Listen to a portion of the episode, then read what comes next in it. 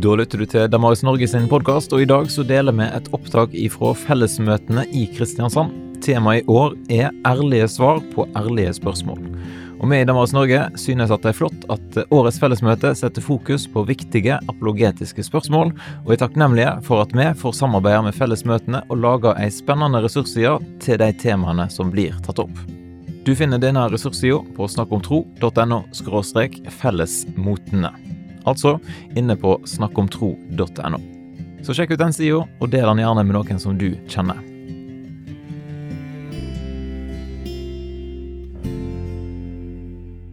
På onsdag, altså i går, så testa Sivilforsvaret varslingsanlegget sitt over hele landet. Heldigvis presis klokka tolv. Det forteller oss at det er en test av signalene.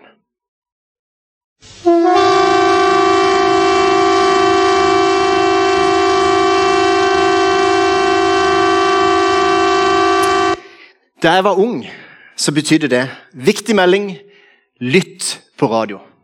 Nå heter det viktig melding, søk informasjon. Og jeg tror det var pga. fellesmøtene. Ja, men altså, jeg kjenner på det at Vi får jo ikke ut informasjon. Vi har så lyst til å gi det ut. Det er en viktig melding. Hør! Søk informasjon. Jeg kjenner på det. At det er så vanskelig. Jeg har så mye på hjertet og som har lyst til å dele med mennesker. Men så opplever jeg at vi får det ikke ut. Er det med? Kjenner litt på den. Og så har jeg lyst til å vekke mennesker. Før så snakka man kanskje om en vekkelse. Men Det var kanskje fordi man kjente Gud, og så ble man vekt tilbake til Gud. Men jeg har så lyst til å fortelle om Gud. Og Det er altså litt av bakgrunnen til at eh, hvis vi får opp en plansje her, så, så vil jeg se at eh, jeg holder på med en bok, eller jeg er ferdig med en bok, men som skal trykkes. Jeg har lyst til å dele mine 17 grunner til at jeg er kristen. Og Akkurat nå så er det like før den går i trykken. Skulle gjerne hatt den ferdig her, men hvis dere har lyst, så kan jeg forhåndsbestille den. Men jeg har lyst til å fortelle hvorfor jeg er kristen. Så at det kan vise at det er 17 grunner. Det er ikke bare én grunn eller to. Det er mange grunner til at jeg er kristen. Og jeg har lyst til å fortelle det. Og så vet jeg ikke hvordan jeg skal få gjort det. Er dere med? Eh, så jeg skal ha planlagt nå sånne varslingsanlegg på, på hele, hele, landet. Nei, jeg får ikke det til. Men jeg har så lyst. Jeg har så lyst til å få det ut. Og så ut ifra dette bokomslaget så delte jeg på tirsdag at det, på spørsmålet er det fornuftig å tro på Gud, og så spoiler alert ja, det er det. Men det er faktisk den fjerde grunnen til at jeg er kristen. Det er fornuftig. Naturvitenskapen peker på Gud.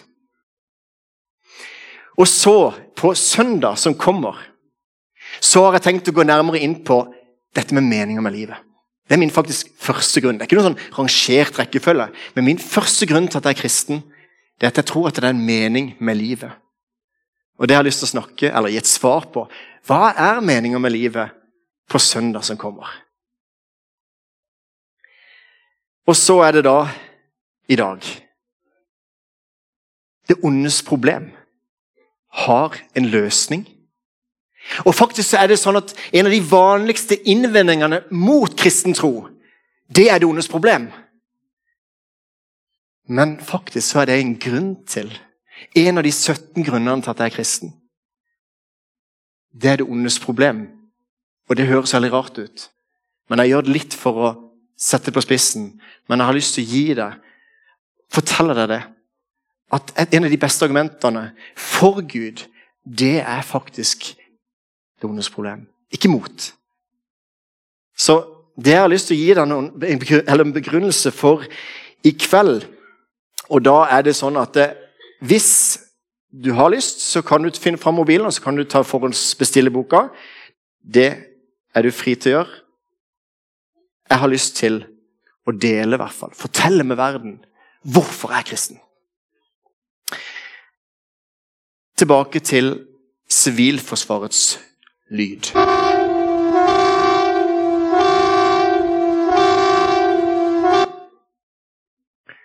Denne gangen en annen varsling. Flyalarmen søk dekning. Og flyalarmen den vitner for mange om den forferdelige ondskapen som skjer akkurat nå i denne verden her. Og Våre tanker de går spesielt til de av våre ukrainske venner som faktisk er her også nå, og får tolka til ukrainsk, som må flykte når de hører en lignende alarm. Og Denne flyalarmen som vi kan på en måte er så glad for at kommer akkurat klokka tolv, for vi vet en øvelse. Og så vitner det om at det er så mye vondt som skjer i denne verden her. Og så blir jeg sint her i Norge. For hvordan kan det skje? Hvordan, hvorfor kan vi ikke stoppe det? Hvorfor kan ikke Gud stoppe det?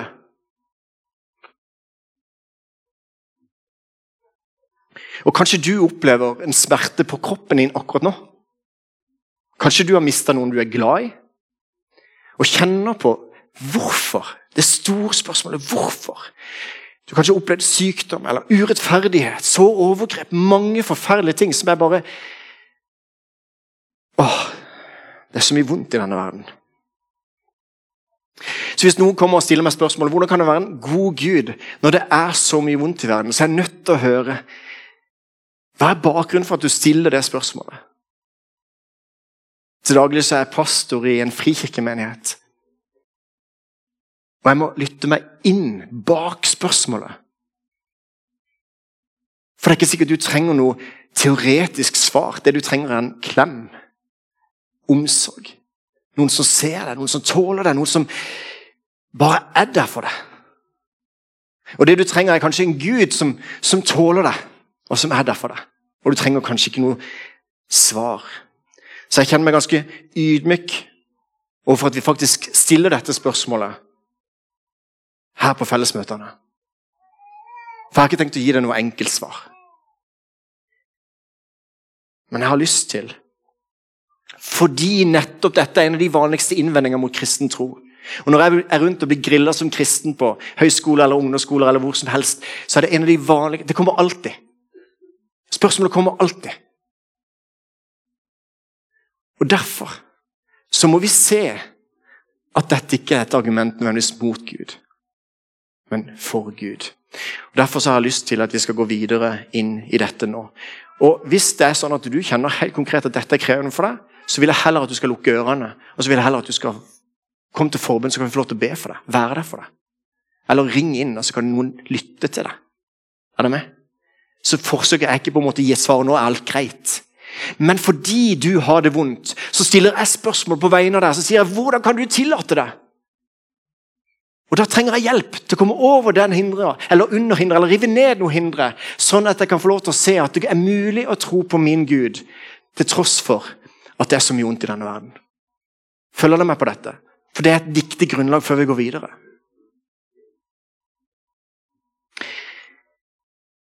Dette er ikke noen ny problemstilling. Det er funnet helt tilbake til 300-tallet før Kristus. har folk stilt spørsmålet eller dette som fører til det problemer. problem. Det kan føres opp på denne måten her.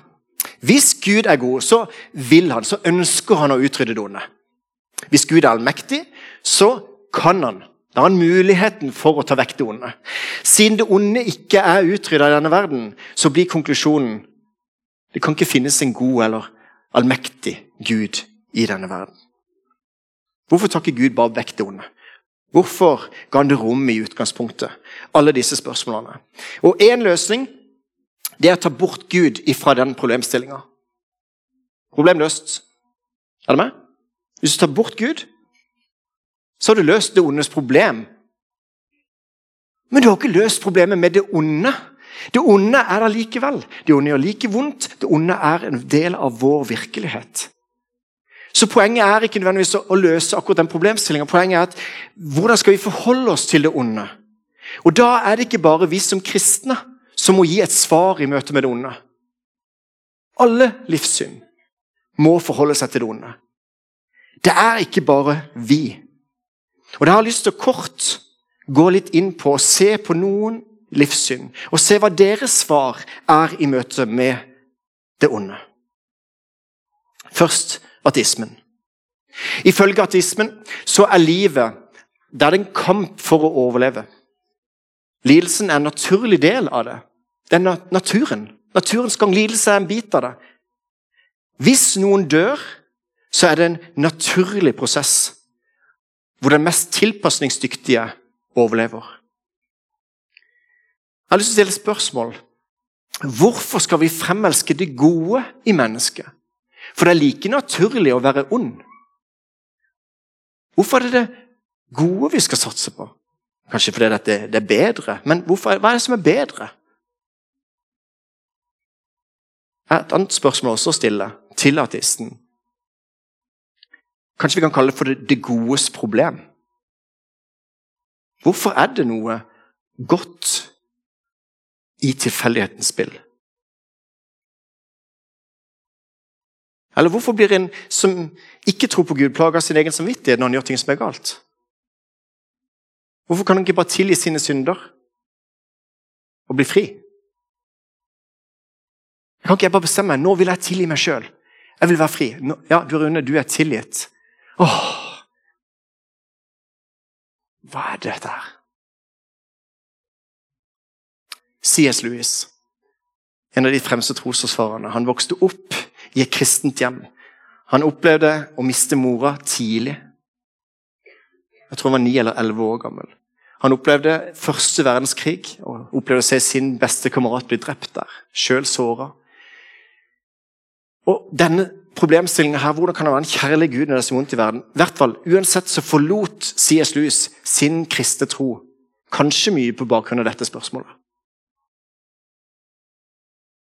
Hvordan kunne Gud tillate? Og Louis var sint på Gud fordi han ikke grep inn og stansa en sånn urettferdighet. Men senere i livet så blir han utfordra av sine venner, bl.a. J.R. Tolkien, som har skrevet 'Ringenes herre', som utfordrer ham på dette. Hvordan kan du si at noe er ondt? Eller hvordan kan du si at noe er urettferdig? Hvis du sier at noe er urettferdig, så må det jo være noe som er rettferdig, da. Hvordan kan du si at noe er skeivt? Den var skeiv. Da må det være noe som er rett. Og konklusjonen hans sin, eller dette fører faktisk C.S. Lewis tilbake til kristen tro. Det moralske argument for Gud. Jeg skal ikke gå inn på det i veldig detalj, men det er utrolig sterkt argument for Gud. Det moralske argument for Gud. Hvis du sier at noe er godt, så må det være noe som er ondt. Hvis det er noe som er godt og ondt, så må det være noe som skiller mellom det gode og det onde. Og hva er det som skal skille mellom det gode og det onde? Er det hva jeg føler? Er det mine følelser som skal ta og avgjøre hva som er godt og ondt? Da vil jo det være hva vi liker eller ikke liker. Eller er det flertallet? Hvem syns det er galt å ta liv? Opp det var ingen, det var to stykker, ja. Takk. Um, nei, men, altså, Poenget er at Hvis vi har en håndsopprekning på det, så ok, flertallet sier det er galt å ta liv. Men hvis vi sier det på en annen måte, da, er det galt å ta liv i mors liv? da? Så plutselig så var ikke det galt lenger, fordi at flertallet mente det. Skal flertallet avgjøre hva som er rett og galt? Skal mine følelser avgjøre det? Eller fins det noe som er rett og galt? Jeg tror det fins noe grunnleggende, objektivt, som er rett og galt. Godt og ondt. Og det Da må du forutsette en lovgiver, en gud. Dette så Friedrich Nietzsche, en filosof på 1800-tallet. Han så det. At hvis Gud er død, så er alt lov. Brukte litt tid på ateismen. Skal kort inn på østlige religioner.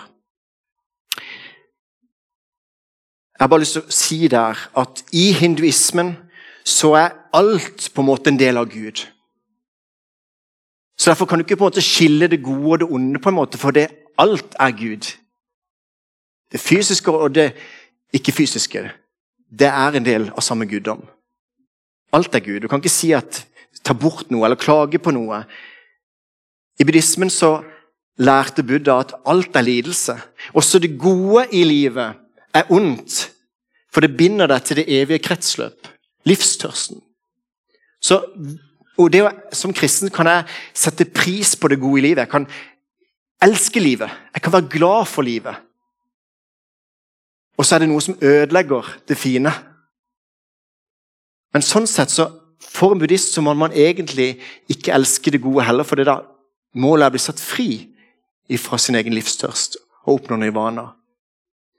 Og karma, som gjenkjenner i begge to, buddhismen og hinduismen Karmaen den betyr at hvis det skjer noe ondt med deg, så er du sjøl skyld i det.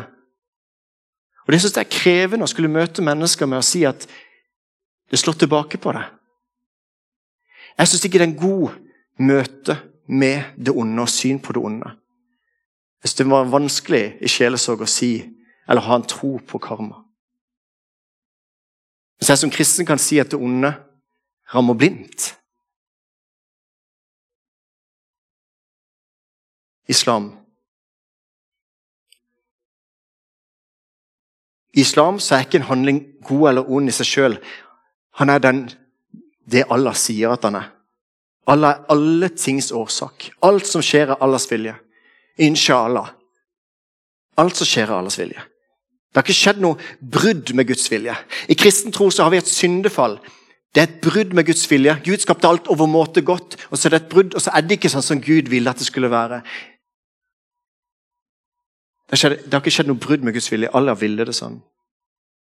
I en offentlig dialog som jeg hadde nylig med en muslimsk leder på NLA, så hadde vi livssynsjournaliststudentene, eller eh, journaliststudentene som hadde livssynsjournalistikk. Og Så var jeg inne, og så var jeg en eh, humanitiker inne, og så var en muslim inne.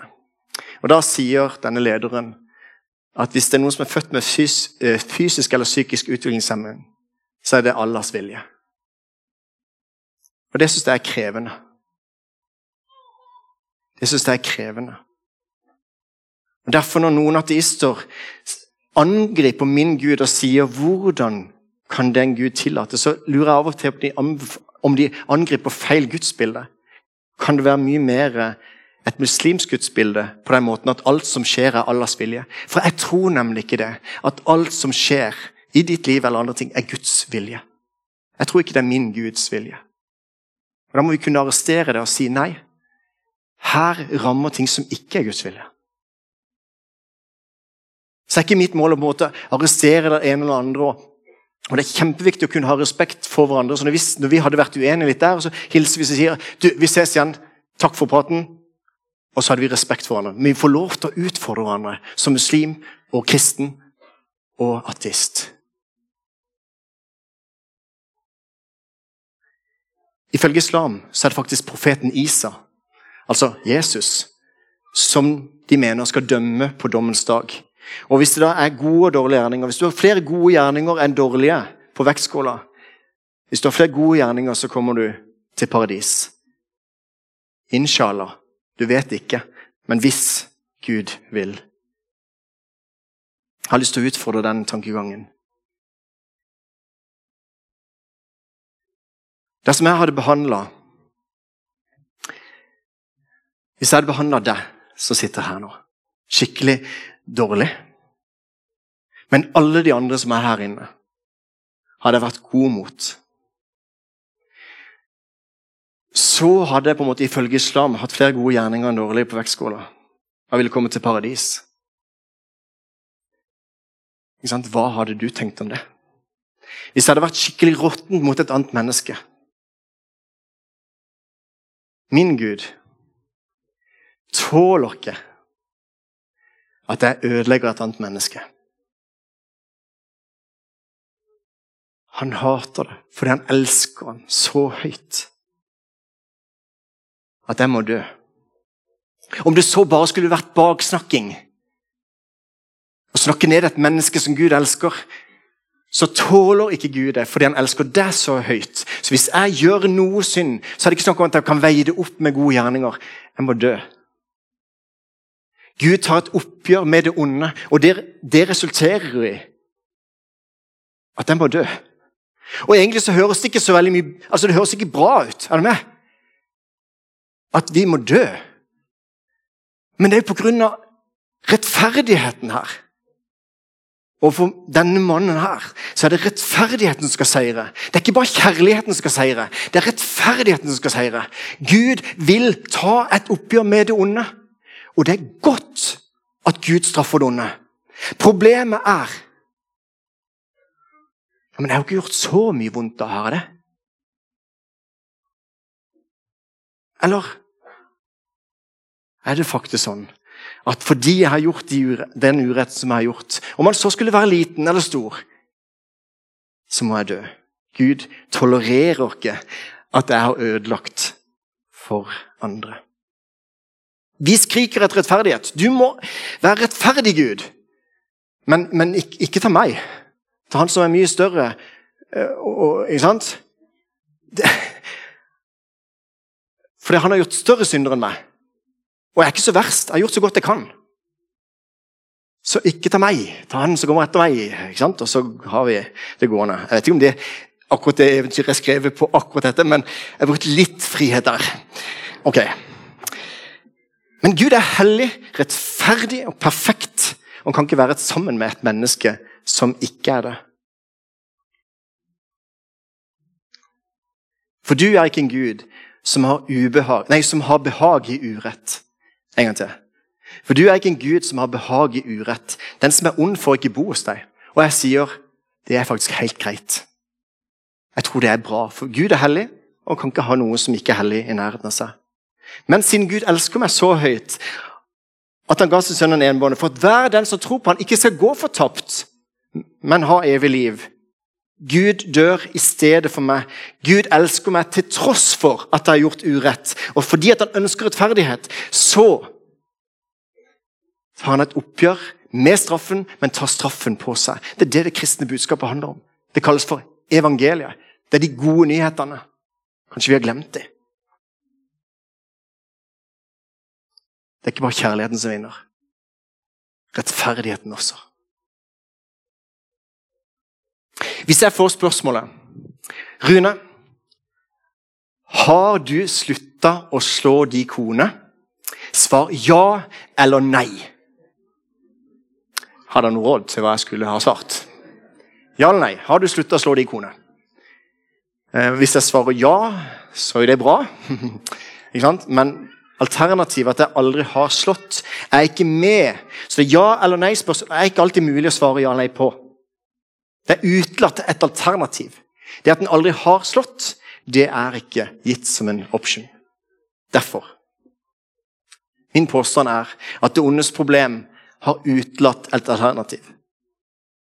Det kalles i, i filosofien for en logisk feilslutning. Alternativet er at Gud kommer til en dag i framtida til å utrydde det onde, er ikke med som et alternativ. Vi sier bare siden det onde er her, så kan det ikke være en kjærlig eller god Gud. Eller en mektig Gud. Mens det at Gud framtidig kommer til å utsette det onde, det er ikke med som en mulighet. Og det er det jeg tror. Bibelen er full av løfter om nettopp det. At en dag Dommens dag. Ikke snakk så høyt om det, Rune. Ikke snakk så høyt om dommens dag. Ja, men Det er ikke det vi roper ut om. Vi vil ha rettferdighet ved. Gud, gjør noe med den ondskapen. Ja, jeg skal gjøre det. En dag. Dommens dag. Da skal Gud ta bort det onde. Og da kan Gud rydde bort det onde. Det gode der, og det onde der. Problemet er jo at både det onde og det gode er i mitt hjerte. Så hva skjer hvis Gud knipser og sier 'nå trer jeg vekk ondskapen'?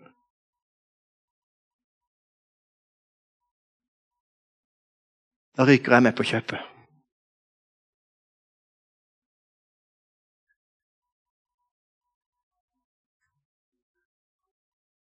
Johannes' åpenbaring sier han skal tørke bort hver tåre fra deres øyne, og døden skal ikke være mer.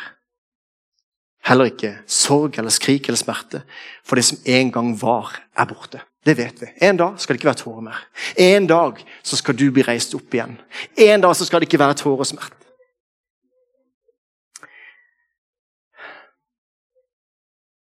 Og så står det også at Herren er ikke sen med løftet om å oppfylle sin gjenkomst.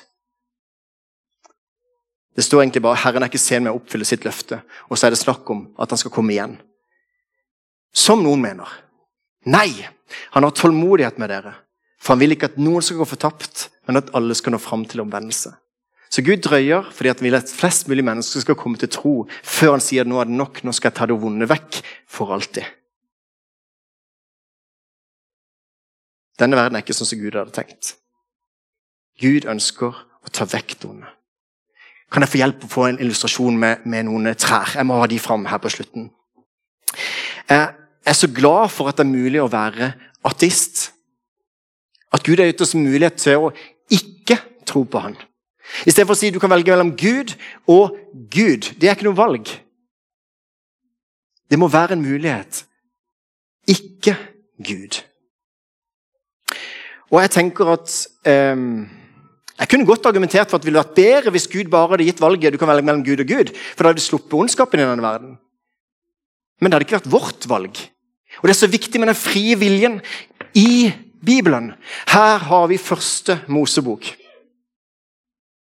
Det står om to trær i første Mosebok som skiller seg ut. Livets tre og kunnskapens tre. Det er paradis. Gud går sammen med mennesket. Første bok i Bibelen starter med paradis. Gud er nær. Og så, siste bok i Bibelen, så har vi igjen et paradis. Gud er sammen med mennesket. Gud, Faderen, er sammen med mennesket. Kunnskapens tre er ikke der. Det er bare livets tre.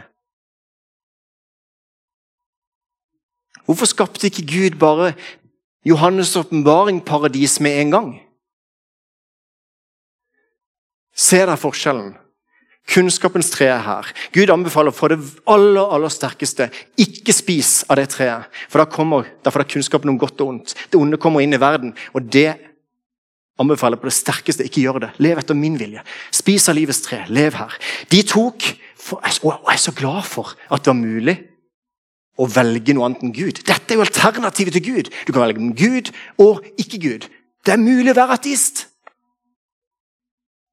Gud setter det Han visste jo at de kom til å spise.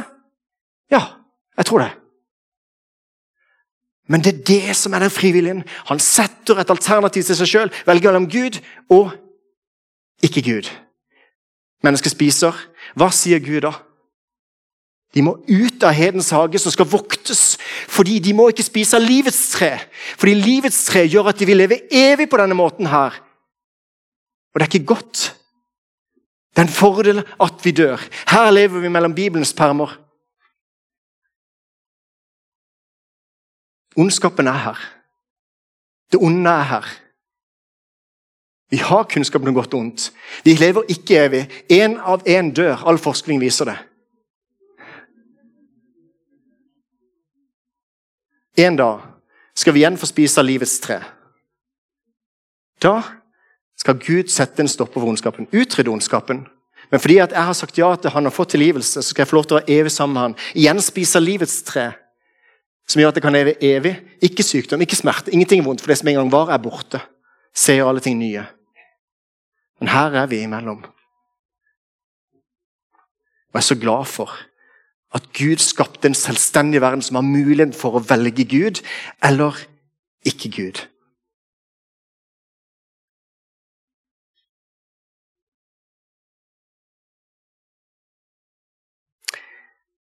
Kanskje det ble for teoretisk for deg. Jeg prøver å forklare litt av evangeliet som står i Bibelen. At det faktisk det ondes problem har en løsning. Det er løsningen i korset. Jesus døde, så at det blir rettferdighet og kjærlighet. Men smerten gjør like vondt. Men da tror jeg på en Gud som gråter. Thomas Jedin, som var her for tre år siden på fellesmøtet, han sa det. Han har sagt det sånn i en bok.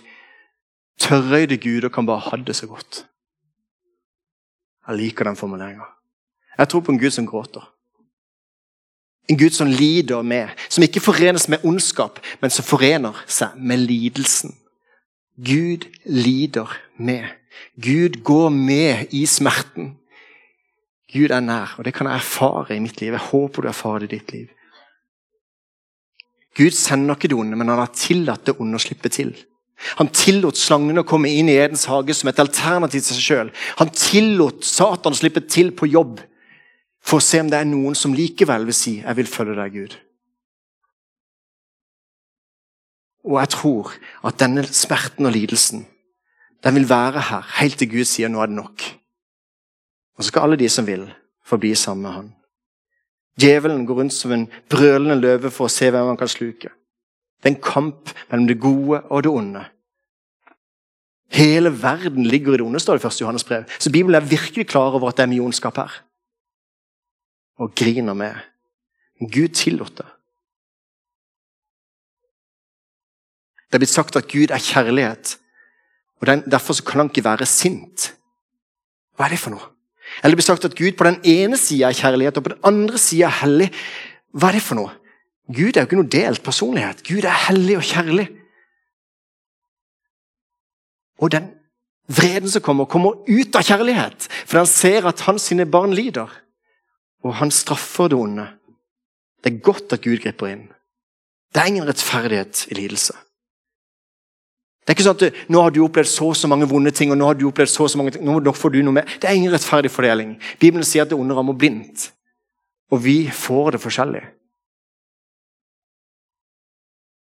Det er ikke noe svar på det. Det er kanskje derfor mange syns det er vanskelig å gi et svar i møte med det ondes problem. Selve lidelsens problem. Hvorfor får du helbredelse og ikke jeg?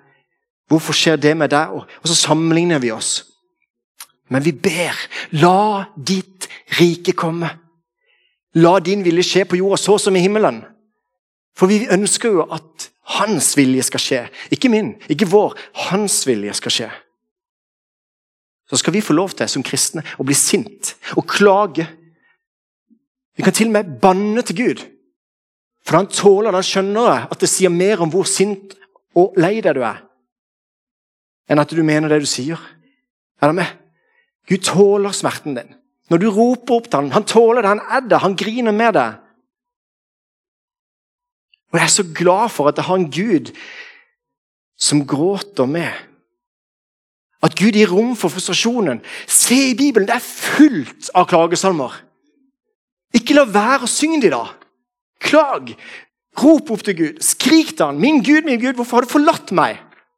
Er det med? Det gis rom for det. La Gud få lov til å få den plass han fortjener. La han få lov til å høre dine klagerop. Og Gud, når det onde er her, så kan Gud bruke det vonde og vende det til noe godt. Gud kan bruke det onde til å lære oss ting. Og det er noen som har sagt noen ganger at ja, men da er det noe mening med det, siden det skjedde og det kom noe godt ut av det. Vet du noe? Vi må ikke ha noe skjebnetro. Men at Gud kan vende det vonde til noe godt, det er noe helt annet. Gud sender ikke det onde. Til slutt Når Josef møter brødrene sine etter all uretten de har begått overfor ham, så møter han dem med kjærlighet og sier han, dere tenkte ondt mot meg. Men Gud tenkte det til det gode for å gjøre dette som vi ser i dag og berge liv for mange mennesker. Så Gud vendte den vonde situasjonen til noe godt. Det var ikke Gud som sendte ondskap, men Gud brukte det og vendte det vonde til noe godt. Så Bibelen, den hopper over litt her. Bibelen forteller meg hvorfor jeg er her. Han ønsker å skape en selvstendig verden. Han ønsker å skape noen som han kan få elske, og som kan elske tilbake igjen. Bibelen forteller meg hvorfor det onde er her. Et alternativ til Gud, en mulighet for å velge noe annet enn Gud Bibelen forteller meg at Gud vil ta et oppgjør med det onde en dag. Han forteller meg hvorfor ikke han gjør det nå. For Han vil at flest mulig mennesker skal komme til å tro på han før han sier nå er det nok. Og hvordan det skal bli sånn som Gud opprinnelig hadde tenkt det. Derfor så opplever jeg at Bibelen tar ondskapen på alvor. Jeg skal få lov til å elske det gode og kjempe sammen med dere mot ondskapen i verden. Møte det onde med det gode. Og Det har jeg lyst til at dere også skal være med og gjøre. Nå skal dere få høre en sang som heter 'Blessings', A Laura Story. Som våger å på en måte sette det litt annerledes, på et litt annet, utfordre litt av den tanken. Hva hvis det er sånn at Gud kan si noe til oss midt i smerten? Og Kanskje du har opplevd det også noen ganger, at Gud har, har sagt noe til deg, har formidla noe til deg gjennom det som har vært vanskelig. Og skal jeg få møte Lotte, som er datter til Siren Gode. Som kanskje representerer din kamp. Identifiser deg med Lottes kamp nå på scenen etterpå. Hvordan hun krangler med Gud og tviholder seg fast til korset. Jeg trenger Gud. Og se hvordan mamma, som representant for Gud, ønsker å nå inn. Kjemp med Gud sammen med Lotte nå.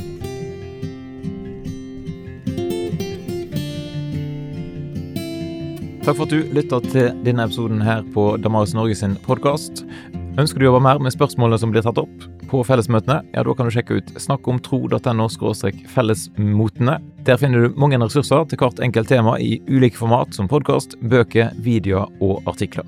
Her kan du få repetert noe av det du har hørt, eller du kan dykke enda dypere ned i disse spørsmålene.